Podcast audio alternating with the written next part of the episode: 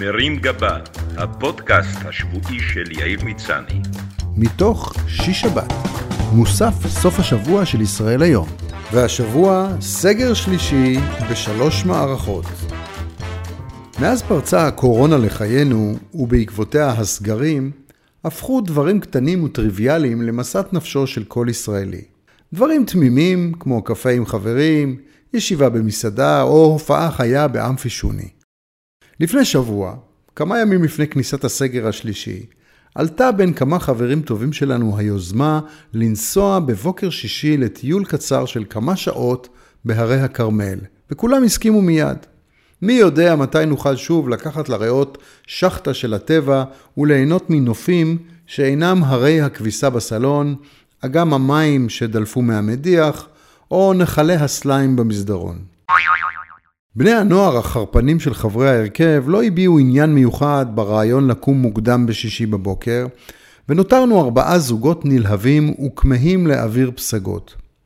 כמו שכבר סיפרתי כאן, איני תאילן גדול, אין לי רכב 4 על 4, אני לא מועמד לזכות בעונה הבאה של נינג'ה ישראל, ובאופן כללי אני לא מבין למה למישהו שלא עונה לשם ספיידרמן, יש אינטרס לטפס על קיר כלשהו.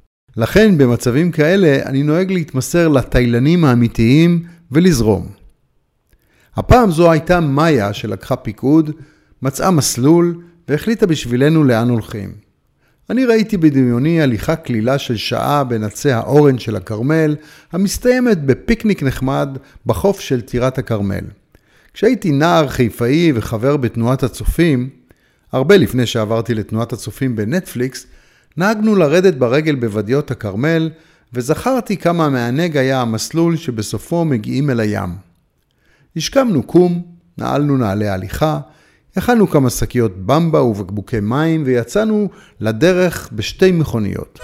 כדי שיהיה לנו רכב לחזור איתו בסוף המסלול, הורדנו את כל החברים בנקודת הזינוק במעלה הכרמל, לא רחוק מאוניברסיטת חיפה, והשארנו רכב אחד קילומטר או שניים משם. זה היה הרגע שבו הבנתי במעומעם שאין למאיה שום כוונה לרדת לים, ובמקום זה היא זוממת להוליך אותנו במורד המסלול רק כדי שבהמשך נעלה בחזרה למעלה, ולא באמצעות רכבל או מעלית שקופה.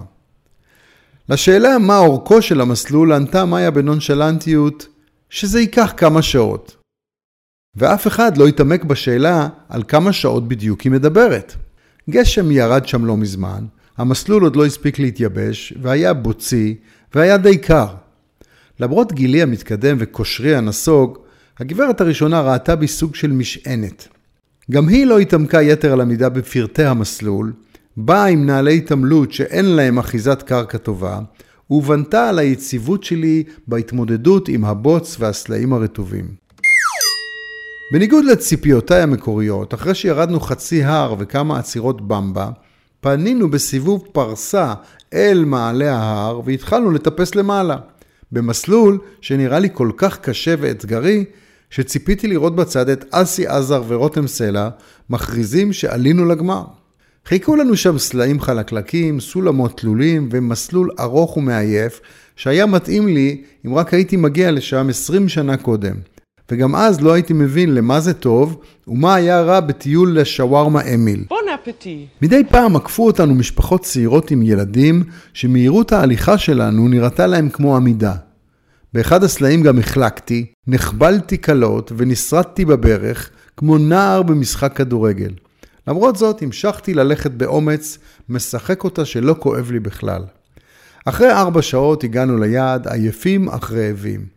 אחרי פיקניק נחמד חזרנו הביתה, כשכל הדרך אני מפנטז איך אפצה על עוגמת הנפש שנגרמה לרגליי בשינה ערבה, רק כדי לגלות שאין לנו מפתח. כנראה נפל במהלך הטיול, ועכשיו לא רק שאנחנו לא יכולים להיכנס, ייתכן שחזיר הבר שמצא אותו בכרמל יבוא וירוקה לנו את הדירה. הצצתי בפניה של הגברת הראשונה במבט אומלל, ומבטה אישר לי שמבחינתה הפציעה שלי זניחה, ושאני צעיר וחסון מספיק כדי לזכות בטיפוס על המרזב ולהיכנס הביתה דרך החלון. השבוע מאיה צלצלה לשאול אם נרצה כשיגמר הסגר לנסוע למדבר יהודה. עשיתי מבטא בריטי ואמרתי, טעות במספר. סגר בצירוף חורף, אם אפשר לקרוא ככה למה שיש פה עכשיו, הוא זמן טוב לטפל במזגנים. לאף אחד לא חם מדי, והטכנאים לא בטירוף כמו באוגוסט.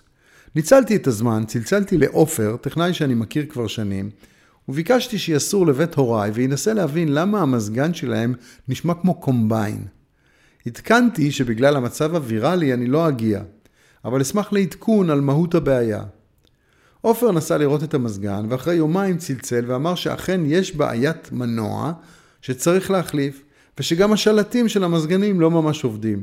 זה נשמע לי מוזר, כי יום קודם דווקא השתמשתי באחד השלטים והכל היה תקין, אבל שמחתי עליו ונתתי לו אור ירוק לטפל במה שצריך. הוא אמר שיבוא למחרת. למחרת בערב, בביקור בבית הוריי, שמעתי שהמזגן עדיין מטרטר כמו פטיש אוויר בסרט של קישון. בני הבית לא זכרו אם היה או לא היה טכנאי מזגנים, כי בזמן האחרון תיאמתי להם מצעד של בעלי מקצוע שבאים לשם אחד אחרי השני. סימסתי לעופר ושאלתי אם היה אצלם ותיקן. והוא ענה שכן, בוודאי, הוא היה בבוקר והחליף את המנוע ואת השלטים. זה נראה לי תמוה. מצד שני, עופר אדם ישר ואמין, ואם הוא אומר שתיקן, אז אין מצב שהוא מבלף אותי. לא הבנתי מה קורה. עד שלרעש של הנגרייה הצטרף צליל הנפילה של אסימון בראשי. שאלתי את עופר מי הוא פגש כשתיקן את המזגן, והוא ענה, הייתה שם גברת שלא מדברת עברית וכלב שחור. לא היית אצל הוריי, בישרתי לו. תיקנת מזגן לאנשים אחרים. היית ברחוב הצאלון 58? לא, ענה לי עופר.